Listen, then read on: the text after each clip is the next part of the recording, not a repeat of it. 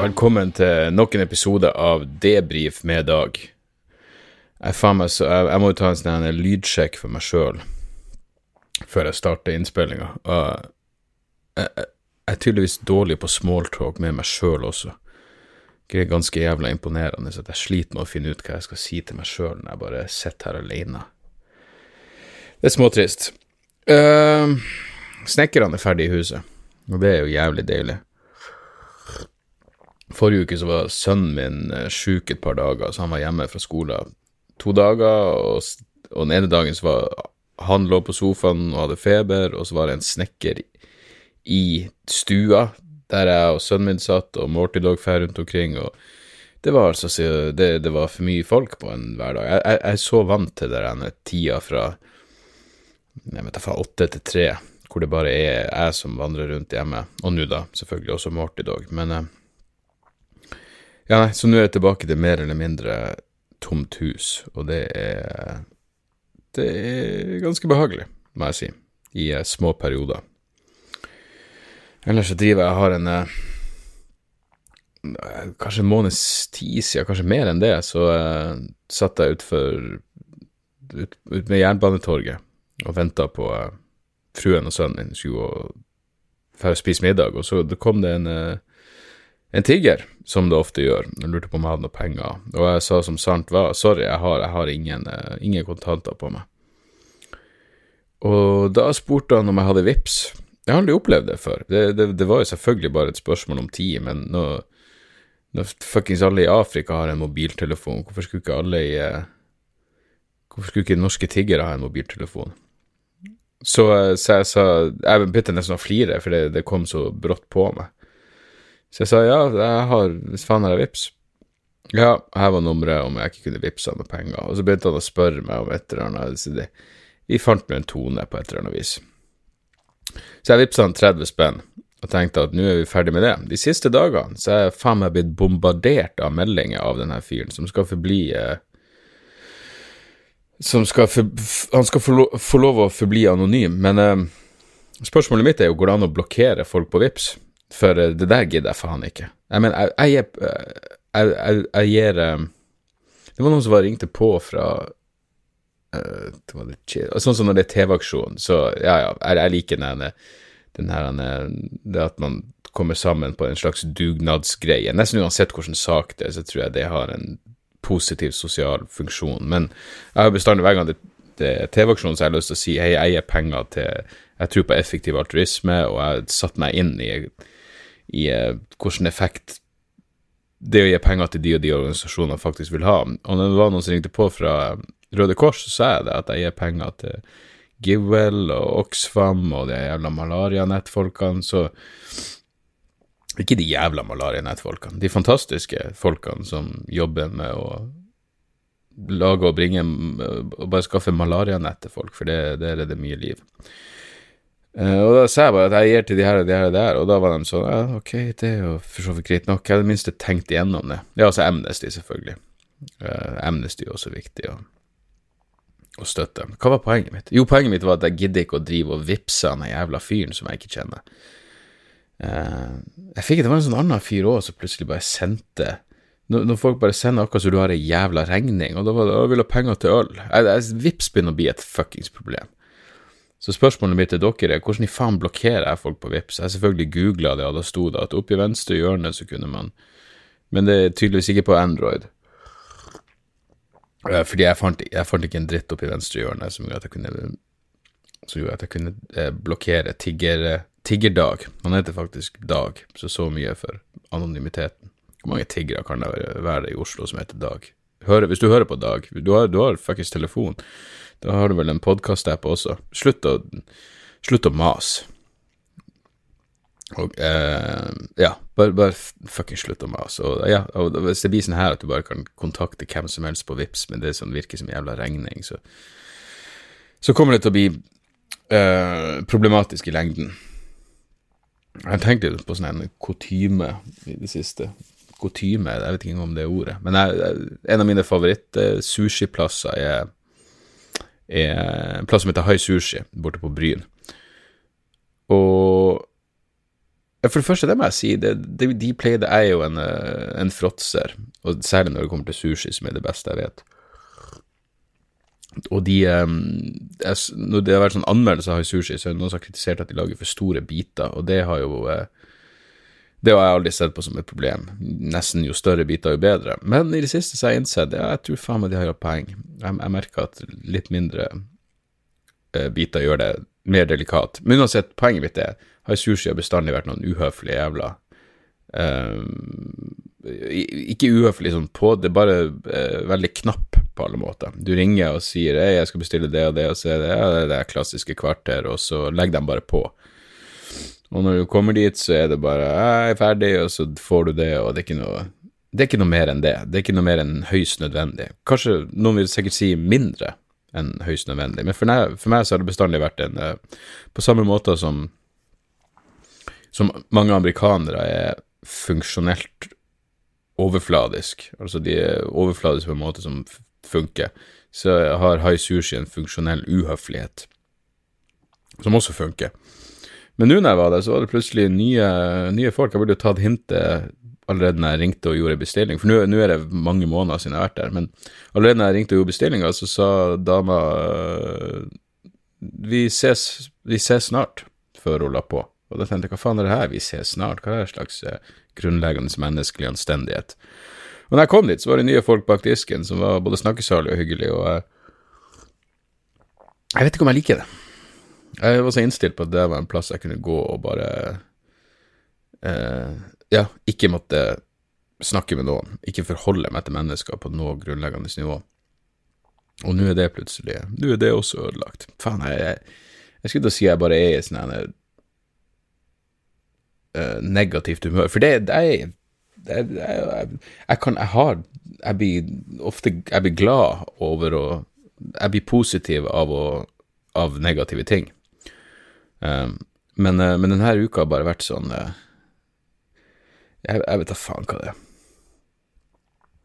Små Bare surfittehumør. Surkuk. Hva enn. Uh, humør hele jævla uka. Jeg merka da jeg spilte inn dialogisk med Gunnar på mandag òg, at jeg hadde lite til ingenting å komme med. Jeg vet ikke hva det er for noe. Kanskje jeg bare nøffer fordi turneen nærmer seg slutten. Men denne uka er jo er det jo mye å si Altså, på uh, På fredag så er jeg på Hva faen Jeg er ganske sikker på at det heter et eller annet med Ibsen.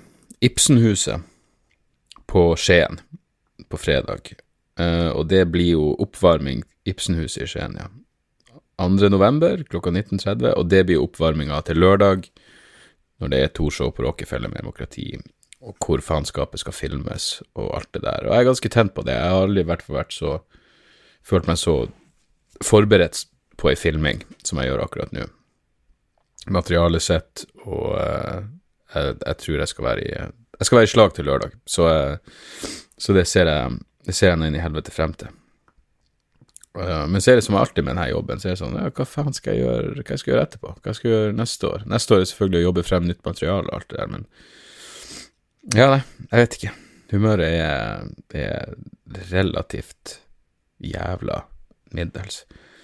Fikk også melding om eh, en av mine Da jeg studerte eh, i 15 Gud, 150 år siden jeg skrev, Da jeg skrev masteroppgaven min, så drev jeg og e-maila med alle de, de, de uh, politiske tenkerne som jeg så opp til, Noam Chomsky, Howard Zinn, Michael Parenti, masse eh, sånn legender på venstresida, som alle var veldig hyggelige og, uh, og hadde innspill når jeg spurt, når jeg liksom forklarte at jeg skrev en masteroppgave om, om Det var en slags sammenligning av retorikken rundt krigen mot terror sammenligna med krigen, den, den kalde krigen, krigen mot kommunismen. Og alle var jævlig hjelpsomme. Men det er jo en del Det er jo noe med i hvert fall folk som, som Chomsky og, og, og Howard Zinn og sånn. De er geniale mennesker, men uh, virker sånn ikke, Jeg vet ikke hvordan de var da de var yngre, men, men, ganske sånn tørre folk. Ikke de mest sånn uh, Ikke de mest hardcore festere. Men så var det en fyr som heter Bill Bloom, Blum, han, jeg, jeg, vet fortsatt ikke helt hvordan det uttales, men det, det skrives i hvert fall BLUM. Han skriver en klassisk bok som heter Killing Hope, som bare var en gjennomgang Han er en, slags, han er en ekspert på, på CIA, som er en gjennomgang av uh, Bare en, en, helt uh, sykt grundig uh, gjennomgang av alt faenskapet CIA har gjort siden andre verdenskrig.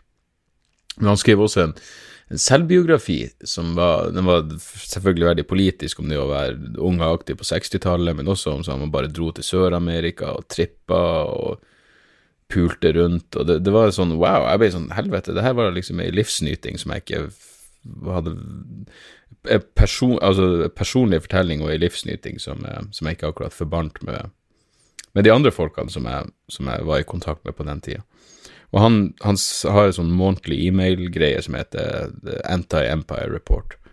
Uh, og det skal også sies, han likte For han er jo mener, Det blir jo en eller annen ting med det når du, du, du vet hvor de her folkene kommer ifra når det kommer til saker og ting, men Bill Bloom hadde plutselig et nyhetsbrev hvor han bare han skrev Og på denne tida jeg prøvde å skrive en vits om det samme, men hvor han bare han var så lei av folk som mente at da IS og USA, det er akkurat like ille. Og han sa kom igjen, jeg fuckings vet hvor mye faenskap USA har gjort, men å sammenligne det med den islamske stat og deres ideologiske mål er helt jævla perverst. Og jeg var 100% enig, og han mista en masse følgere og abonnenter på grunn av det der, men poenget er at nå fikk jeg det skulle komme en ny Anti-Empire-report, og så var det heller en mail fra ekskona hans som kunne fortelle at Bill Bloom hadde ramla i trappa, og det var uvisst hvor lenge han hadde ligget der før de fant han. Det kunne ha vært noen timer, det kunne ha vært flere dager. Og eh, som hun skrev, han, har ikke, han overlevde fallet, men som hun skrev, så har han ikke den beste eh, forsikringa om han kunne sende han eh, Vipsa han over noen penger, eller PayPal, eller hva det var, så jeg sendte over noen penger til han. Det ser ut som det er mye av det det handler om denne gangen, hvem man velger å å uh, donere penger til. Men det var bare et eller annet med Jeg tror det var fordi, ikke bare fordi han bestandig så velvillig svarte meg på mailene, men også det å ha lest den selvbiografien hans, som, er, som, er jævlig, som jeg husker som jævlig bra. Uh, det, det, gjorde at jeg følte som jeg hadde et litt sånn nærere forhold til han enn en eller annen forsker og forfatter som jeg bare, som jeg bare forholdte meg til. Så uh, ja, dere får uh, Hvis dere kjenner, kjenner, til han, så gå inn på hjemmesida hans, uh, killinghope.org, så, um, så, kan dere spytte i noen kroner. Ellers så var jeg jo Hva har jeg gjort i det siste? Um, forrige fredag så var jeg jo i ærverdige Drammens teater og gjorde, og gjorde demokrati, og det var, det var en kongekveld, det. Det blir liksom akkurat så det blir litt ekstra nerve, bare fordi det, det, det teatret er så inn i helvete fint. Uh, og, eh, og, det var en, uh, det var en nydelig, en nydelig kveld, det. Drammen! Før jeg kom hit, så var jeg borte på uh, Dickens som tok kveld som en kompis. Og uh, på bardisken så lå det en sånn underskriftskampanje mot bomringer. Det var en viss ironi i det, med tanke på at ingen som noen gang har vært på Dickens, har noen gang vært i sårbar tilstand. Og det inkluderer i høyeste grad meg sjøl. Jeg er for bomringer fordi det er bra for miljøet, og jeg har ikke bil. Etter det så dro jeg vel dro jeg inn til byen. Eh, hans, min gode venn eh, Hans Magne Skar og Kevin Kildahl var jo i Oslo for å stå på, på humorsalongen på Edderkoppen. Så det ble jo noen uh, noen, uh, noen drinker og alt det der faenskapet på fredag. Lørdag så var jeg på Glenghuset i Sarpsborg. Det kunne faen ikke vært større overgang fra Drammen Stater til Glenghuset, fordi Glenghuset er Jeg, jeg digger den plassen, men det er en bitte liten klubb. Det er vel, jeg vet da faen om det er plass til 100 stykker eller noe sånt. Og det var Det var Det var jævlig gøy, det òg. Veldig annerledes, da. Uh, før før eh, showet så hadde jeg jo jeg hadde masse frem og tilbake. Den mannegruppa Ottar har en podkast, og de spurte om ikke jeg ville være gjest for lenge siden. Og i starten svarte jeg vel ikke, jeg bare glemte det. Og så var det sånn Nei, men vi har hatt masse bra gjester. De har hatt Seltzer og Anne Katt og alt det der. Og så var jeg sånn Ja, hvis vi kan ta det rett for et show, så går det bra. Og så skulle vi gjøre det på ski, og så ble ikke det noe av. Så nå ville de gjøre det her på i Sarpsborg, da. Selv om de bor i Oslo, jeg vet da faen. Men uh, jeg og lydmann Steven var litt forsinka på kjøreturen oppover, så, så, vi kom De hadde allerede rigga ting opp backstage, så vi hadde vel 40 minutter eller noe sånt før jeg måtte gå på scenen. Uh, og da hadde de fått med, For jeg syns det var litt gøy Hvis dere har sett Demokrati, så har jeg jo en greie om uh, om mannegruppa Ottar i, i, showet. Jeg, jeg, vet ikke om den er negativ, den er i hvert fall ikke positiv. Men uh, mannegruppa Ottar-guttene hadde ikke sett showet, men de hadde bare hørt det her. Så de sa er så hyggelig at du prater om oss på en positiv måte. Og jeg bare er det det jeg gjør? Det er jeg faen ikke sikker på. Men ja, det får nå så være. Uh, så jeg satt nå og prata med dem til det var to minutter jeg måtte på scenen. Og så uh, var det bare å snu seg rundt og, og hoppe i det. Uh, men ja, og så var det tilbake til byen igjen, og nok en runde med vodka tonic og Weissbier med, med Kevin og, og, Hans Magne. Så, så hadde jeg selvfølgelig den stille, rare stille klokka-opplevelsen, men hvor jeg var litt uh, Jeg var ikke så jævla Jeg var relativt nykter, faktisk, når jeg dro hjem på lørdag, men jeg må jo ha satt meg inn i taxien eh, 2.58. Uh, og så tror jeg bare jeg, jeg, vet ikke om jeg så på klokka idet den akkurat skifta. Uh, du stilte jo klokka tilbake, så nå ble det tre, så ble det plutselig to. Og det var et halvt sekund der hvor jeg var først bare dypt forvirra uh, om hva i faen som foregikk, og så tenkte jeg vent, det betyr ikke det at jeg egentlig kunne vært en time lenger? Som en jævlig rar ting å tenke, for det var ikke sånn jeg måtte dra hjem når jeg dro. Jeg har ikke noe jævla curfew. Jeg, jeg, jeg kan komme hjem når jeg vil, jeg er en voksen mann. Men allikevel så var det akkurat så jeg tenkte å, oh, men nå dro jeg en time for tidlig. Hvorfor det? Klokka er jo tre i hodet mitt, kom deg hjem, din. Din brisende faen. Det er nok nå. Men, um, men ja, så det var ei Det var ei, ei jævlig fin, jævlig fin helg. Og søndag var som alltid uh, überchill. Uh, fruen er så Vi har, sett, vi, er så ferdig sesong to av Ozark, som jeg syns var dritbra. Jeg syns det var bedre enn sesong én. Jeg hadde sett en anmeldelse hadde noen venner som sa at ah, den er litt sånn så og så sesong to, men så tar den seg opp. Jeg syns den var dritbra hele veien. Og nå har vi begynt på den um, The Haunting of Hill House, som har fått så jævla mye bra omtale at mine forventninger var jo skrudd særdeles høyt opp. Jeg vet ikke om jeg nevnte at jeg ikke var så imponert over Hereditary, denne, denne horrorfilmen. Det var, den var absolutt bra og absolutt langt over gjennomsnittet, og den hadde en sånn ekkel Den hadde en sånn jævla ekkel vibe, i mangel av et bedre begrep, hele tida. Men, eh, men var den skummel? Jeg vet da faen. Jeg, kanskje ikke var det som var meninga heller. Eller jo, det var åpenbart Prøver jo å være skummel, men jeg vet ikke, det er, det er, ingenting som har skremt meg. Jeg husker jeg så um, Enda mens jeg bodde alene i Trondheim, så så jeg den første The Grudge-filmen. Husker du ikke den? Den, den, den, originale japanske Jeg tror det var The Grudge den heter, hvor det var den Å, den lyden Det der faenskapet skremte faen meg livskiten av meg. Men siden da så er det lite som har Det var liksom Asiatene lagde en Eller japanerne spesifikt lagde en del det er filmer som var ganske creepy, i hvert fall på den tida. I hvert fall når du bodde alene. Jeg, jeg, jeg, elsker horror, men det er også en sånn ting Jeg vet da faen om jeg ville sett det alene. Men poenget er The Haunting of, of Hill House er helt konge. Det starter jo nesten sånn konvensjonelt, hvor du tenker ah, mer av det her. Og så er det jo faktisk nu, Eller vi er vel ferdig med episode fire nå. Men det skjer et eller annet etter sesong to som gjør at jeg innser det her er jo faen meg like mye bare en sykt bra dramaserie. Det minner meg nesten litt om Six Feet Under som vel er min favorittserie gjennom tidene. Så eh, ja, det er Haunting of Hill House er faen meg Det er noe av det bedre jeg har sett på en stund, så det Det kan anbefales noe så jævlig. Um, ellers, det var ikke kommet så jævla mye mailer denne uka. Jeg skal se her Jeg burde virkelig bare lære meg å slette mailene når jeg har adressert dem, fordi jeg vet jo faen ikke hva det er jeg snakka om og ikke prata om. Uh, og det er jo som Det er fortsatt mye Det er fortsatt mye døden i innboksen. Jeg er sånn jævla hår der. Hvorfor i faen skal jeg ta vare på de her mailene? Når kommer jeg noen gang til å se på dem? Det er det samme som Det er nesten litt sånn uh, Jeg hørte noen som prata om det og, og du kan gjøre over Du kan legge over ting fra VHS til DVD til digitalt nå. Og så er det sånn, Når blir du noen gang å fuckings se på det? det Back in the day, når man hadde VHS-opptak fra barndommen sin, så satt man og så på det. Men jeg, jeg, jeg, lurer på om det kommer til å forsvinne. Det er rett og slett for, det er for mye der ute. av alt. Så hvor- hvorfor i faen skal jeg ta vare på? Og jeg, jeg skal begynne å slette Når jeg prater om en mail, så skal jeg slette den, og så vet jeg at jeg i hvert fall ikke tar opp noe av det samme på nytt igjen. Uh, for det, det er mye døden. Uh, ja. Ja, det er mye jeg, jeg, jeg, jeg, Og jeg har sett Du, jeg, ikke misforstå meg rett, jeg setter Jeg setter stor, stor, stor pris på det. Uh, skrev til meg Hei, Dag. For noen år siden sa samboeren min og hadde sendt mail til en kjent norsk skikkelse for å fortelle henne at hun virker som et godt menneske og en generelt bra person. Fint gjort, men litt mobbet for det har hun blitt, så ikke faen om jeg kommer til å fortelle henne at jeg sender denne mailen.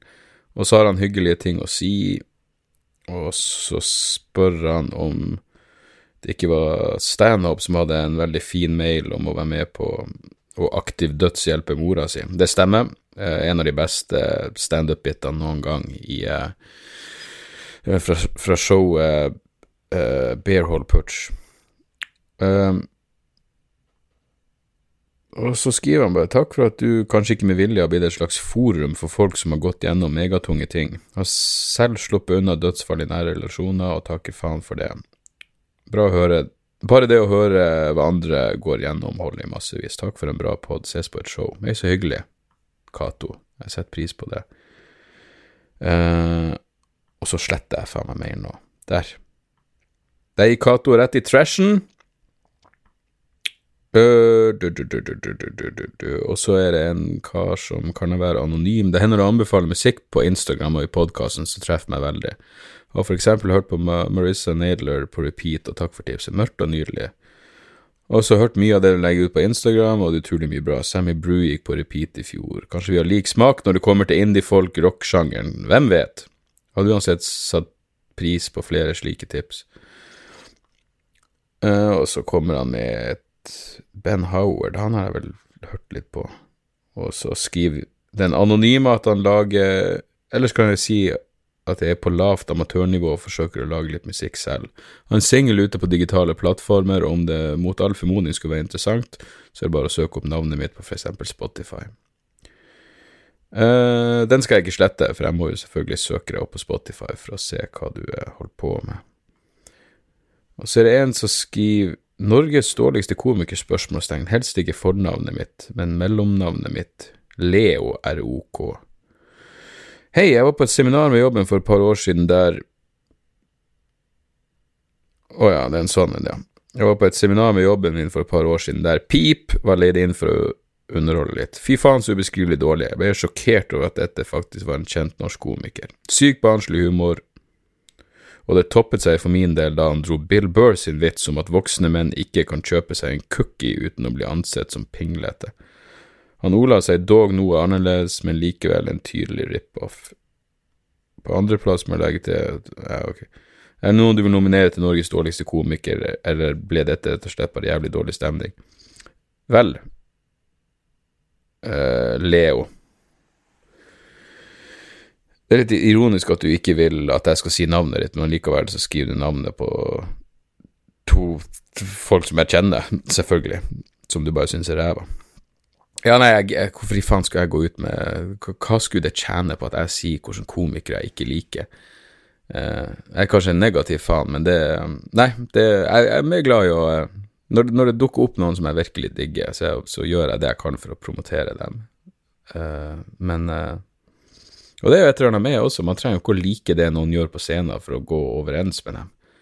Så eh, Men hvis noen har rippa, rippa en Bill Burwitz, og det er åpenbart det, det er jo selvfølgelig uakseptabelt. Eh, men jeg tror det skjer mindre og mindre, rett og slett pga. internett. Folk fuckings Du slipper ikke unna med det der nå. Det hadde jeg i stor Det er jeg gjorde en gang ei historie Men det her er en komiker som jeg ikke tror jeg er aktiv lenger nå. Um, og han Vi var oppe, og det her var ganske tidlig i karrieren min, så jeg var support for han oppe i eh, Bardufoss, tror jeg, på en militærleir. Og så sto han og gjorde noe materiale, og han var liksom en sånn type hvor det var Som sagt, han holder ikke på lenger nå, men det var liksom hele tida en sånn følelse av at det her har jeg hørt før, men samtidig så er det så generisk at hvem faen vet om det, kanskje han har skrevet det sjøl. Og så var det en eller annen fucking 17 år gammel eh, førstegangsgutt som kom opp til han etterpå og bare Han hadde skrevet ned alt. Det var Richard Pryor, det var Steve Martin, det var ditt og datt. Jeg husker han komikeren sa Ja, men det jeg gjør om, om ungene mine, det er nå mitt. Og han bare Nei, det er det ikke. Det er fuckings hvem enn. Det var masse komikere jeg ikke hadde hørt om. Men han her den jævla guttungen hadde stålkontroll og sabla han bare så jævlig ned, og hvis det var en bidragsyter til at han her karen bare slutta med humor, så er jo det så er det en, uh, en bra ting. Um, ja, og så er det en lang mail fra Andreas, kunsten å se humor i ting. Som også bare handler om galgenhumor, og når det har skjedd uh, kjipe ting og alt det der. Um, jeg kan liksom ikke Jeg er redd for å bli han der dødsfyren, for det, det, har jeg ikke Det, det men, men, som sagt, jeg, jeg, setter jævlig Jeg setter jævlig stor pris på de her mailene. Jeg leser hele mailene, og uh, ja, jeg har allerede lest igjennom denne mailen fra Andreas, og den er rørende og fin. Og det at denne podkasten hjelper deg gjennom noe faenskap, har selvfølgelig sykt mye Det, det har oppriktig noe å si. Jeg, jeg, kan, jeg, kan, virke som en kynisk faen, men selvfølgelig har det mye, mye å si for meg. Så, så, takk for alle de mailene, og takk for bare hyggelige ord. Og, og som jeg sier, gå inn på iTunes og, og rate og review alt det der. Jeg har faktisk ikke spurt. Den dialogiske podkasten jeg gjør, der har vi jo noe sånn cirka peiling på hvor mange som hører på. Jeg har ennå ikke spurt hvor mange som hører på det her, fordi jeg er redd for å bli demotivert. Jeg mener, det er basert på på tilbakemeldingen jeg får, så er, det jo, er det jo plenty med folk der ute som hører på. Um, men, men, jeg er redd for å spørre, for at jeg er redd for at det skal bli sånn ah, gidder jeg holde på med det her? Samtidig så er det her faktisk blitt rein kos nå. Og merkelig nok så liker jeg bedre å gjøre det på morgenen med det samme jeg stod opp, enn en seint på kvelden. Det er akkurat som et eller annet Hodet funker på en mer ufiltrert måte for meg nå eh, på, på morgenen enn det gjør på eh, enn det gjør på kvelden. Noen som påpekte at jeg er jævla dårlig å time kaffedrikkinga mi, at jeg, at jeg, burde gjøre det på slutten av setninger. Og dere har et poeng, men nei. Jeg liker å bryte opp setninger med kaffeslurping. Uh, men akkurat det der med å like å gjøre ting på morgenen Jeg husker jeg var på for tre-fire år siden, så var det humorfest i Bergen, og da, da hadde de leid inn en sånn fyr fra USA som skulle være sånn Ikke komik kurs som jeg avskyr av hele mitt hjerte nødvendigvis, men det er sånn eh, hei, lær å skrive vitser, og jeg, jeg, var, jeg, var, bare, fascinert av For jeg, jeg, tror det er mye bullshit i den der typen kurs, så jeg tenkte det her skal jeg få med meg. Og det var altså en så humørløs og døll jævla amerikaner. Han, han var så lite morsom som menneskelig mulig å få det, og han skulle stå og fortelle oss hvordan vi skulle skrive morsomme tekster. Men jeg husker også at jeg fikk et, eh, et totalt panikkanfall midt i foredraget. Uh, og det var et sånn lite, lite konferanserom. Det var som å sitte på en jævla forelesning med en middels populært fag. Uh, og jeg husker en kompis av meg, Jon Heggeland, var der, og han sa plutselig bare 'skal vi gå'? Så han hjalp meg ut, for jeg var tydeligvis kritthvit i trynet. Her var liksom den tida jeg pleide å få skikkelig panikkanfall. Så vi kom oss ut derifra. Så husker jeg vi dro på uh, en restaurant og drakk hvitvin og spiste blåskjell. Og det hjalp nå inn i helvete. Hvis du sliter med panikkanfall, blåskjell og hvitvin funker som faen. Poenget mitt er, han er det geniet som leda det kurset, sa at uh, For han drev liksom spurte skriv hvem skriver edru, hvem skriver full, hvem skriver på morgenen, hvem skriver på kvelden? Og så mente han at jo eldre du ble, jo større var sjansen for at du ble mer glad i å skrive på, på morgenen. Og ja, jeg, jeg, jeg ser den. Jeg, jeg innrømmer motvillig at han muligens hadde et poeng der. Men jeg tror også det er bare på, den, på grunn av den generelle døgnrytmen. Jeg må opp, ofte opp i sjutida for å få sønnen min på skolen, så da, da, da sier det seg sjøl at jeg ikke at jeg ikke sitter oppe til fire på morgenen og henger lenger. Plutselig hvis jeg er oppe jævlig seint Jeg er enig, hvis du, hvis du først klarer å komme inn i skriving, og du sitter oppe i tre-fire-tida på natta, så fungerer Jeg er overbevist om at hjernen fungerer på en, på en, annen måte, som gjør at du kanskje skriver på en annen måte. Og jeg pleide å gjøre det mye før, Uh, Nå hvis jeg er våken så seint, så klarer jeg i hvert fall ikke å sitte og lese, for da sovner jeg bare, men jeg ligger og glor på ting. Men ja, kanskje jeg burde prøve å skrive igjen på natta, se, se, hva, som, se hva som skjer. Men fuckings morgenen funker fint for meg. Det, ja, det er et eller annet Jeg tror man gir enda mer faen. I hvert fall jeg med det samme jeg våkner, Og, eh, og amen for akkurat det. Så uh, nå skal jeg Ja, hva skal jeg gjøre nå? Det er til helvetes vær ute. Det er pissregn. og Godeste Morty Dog er I går var det jo plutselig masse sne, og Morty Dog digger sne. Han er jo så jævla liten at jeg regna med at han ikke kom til å være noen stor fan av å, av å hoppe rundt i sneen. Men Chomsky Dog var fan av det, og Morty Dog likeså. Det må være noe genetisk, for han digger å hoppe rundt i sneen. Pissregn derimot, akkurat som Chomsky Dog, fuckings hater han. Hater å være ute i regnet, og det passer meg helt forbanna strålende. Så, eh, og i går så hadde vi Jeg tror hundene er forskjellige der, men når vi satt og så på så på det Haunting-serien, så var det plutselig masse hunder som gjødde, og Morty Dog ble altså fulgte den i helvete med på skjermen fordi det var, det var noen eh, firbeinte venner som ga lyd ifra seg. Hvem vet hva de sa, jeg skjønner jo ikke hundespråk. Han gjorde tydeligvis det. Men han, han drev og fulgte med på resten av episoden. Lå han liksom helt på kanten av sofaen og bare så på TV-skjermen. For det er jo litt roping og skriking og skumle lyder og sånn også. Men jeg vet ikke om han venta på, på uh, på nye instruksjoner fra denne hunden i serien, det håper jeg faen ikke. Eller om ja, han rett og slett bare lurte på hvorfor, hvorfor stoppa bikkja setninga midt i. Hvorfor, hvorfor lage en hvorfor, hvorfor, Det er jo som å drikke kaffe midt i en setning, og så fortsetter du bare ikke. Det, det, det, er rett og slett dårlig gjort. Så eh, nei, jeg tror Morty Dog er en fucking smart fyr. Selvfølgelig gjør jeg det. Jeg husker jeg sa om Chomsky Dog òg, etter altfor kort tid. Han her er usedvanlig intelligent. Og så tar det en stund, og så innser du at de er, de er helt gjennomsnittlige. Som resten av oss. Det var det jeg hadde, folkens. Uh, jeg håper å se flest mulig av dere på fuckings Rockefeller på lørdag. Jeg gleder meg som faen til å få foreviga det her, uh, det her, det her showet på, uh, på, tape. Og jeg gleder meg til å gjøre showene. Jeg skal Forhåpentligvis så klarer jeg å bare glemme av at det filmes. Det er bestandig da det blir best. Bare drit i at det filmes, og gjør det som et hvordan som helst annet show. Uh, så ja, takk for at dere hører på. Takk for at dere uh, er så støttende. Og så, uh, så høres vi igjen neste uke. Tjo og hei.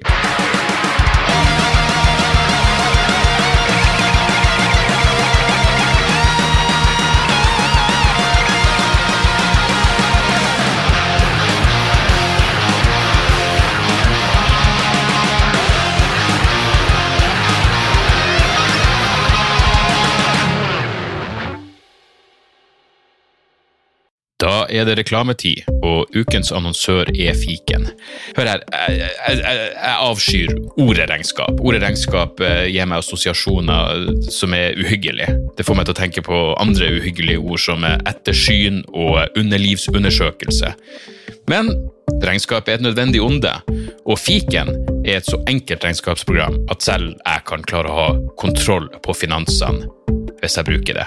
Eh, du kan registrere kjøpene dine bare med å ta et bilde av kvitteringa med appen, og så kan du bare hive, hive kvitteringen. Hvor nydelig kan det bli? Og Fiken forholder seg også til regnskap med overkommelige ord. Det er ikke masse overkomplisert økonomisk terminologi. De kaller det kjøp og salg i stedet for hva enn de kaller det på BI.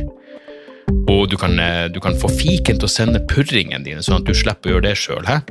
Slipper du de flaue øyeblikkene hvor du må skrive 'unnskyld meg, men det står noe utestående her, kan du fikse det fortest mulig', eller må jeg sende, sende mafiaen etter deg? Nei, fiken fikser det der, så kan du skylde på algoritmene. Du slipper dårlig stemning. Jeg syns det er utrolig greit å slippe å styre med sånne ting sjøl, og nå kan du prøve fiken gratis i 30 dager. Hva, hva har du å tape? Bokstavelig talt ingen verdens ting. Så gå inn på fiken.no og prøv fiken gratis i 30 dager. Ok? Det var ikke så vanskelig.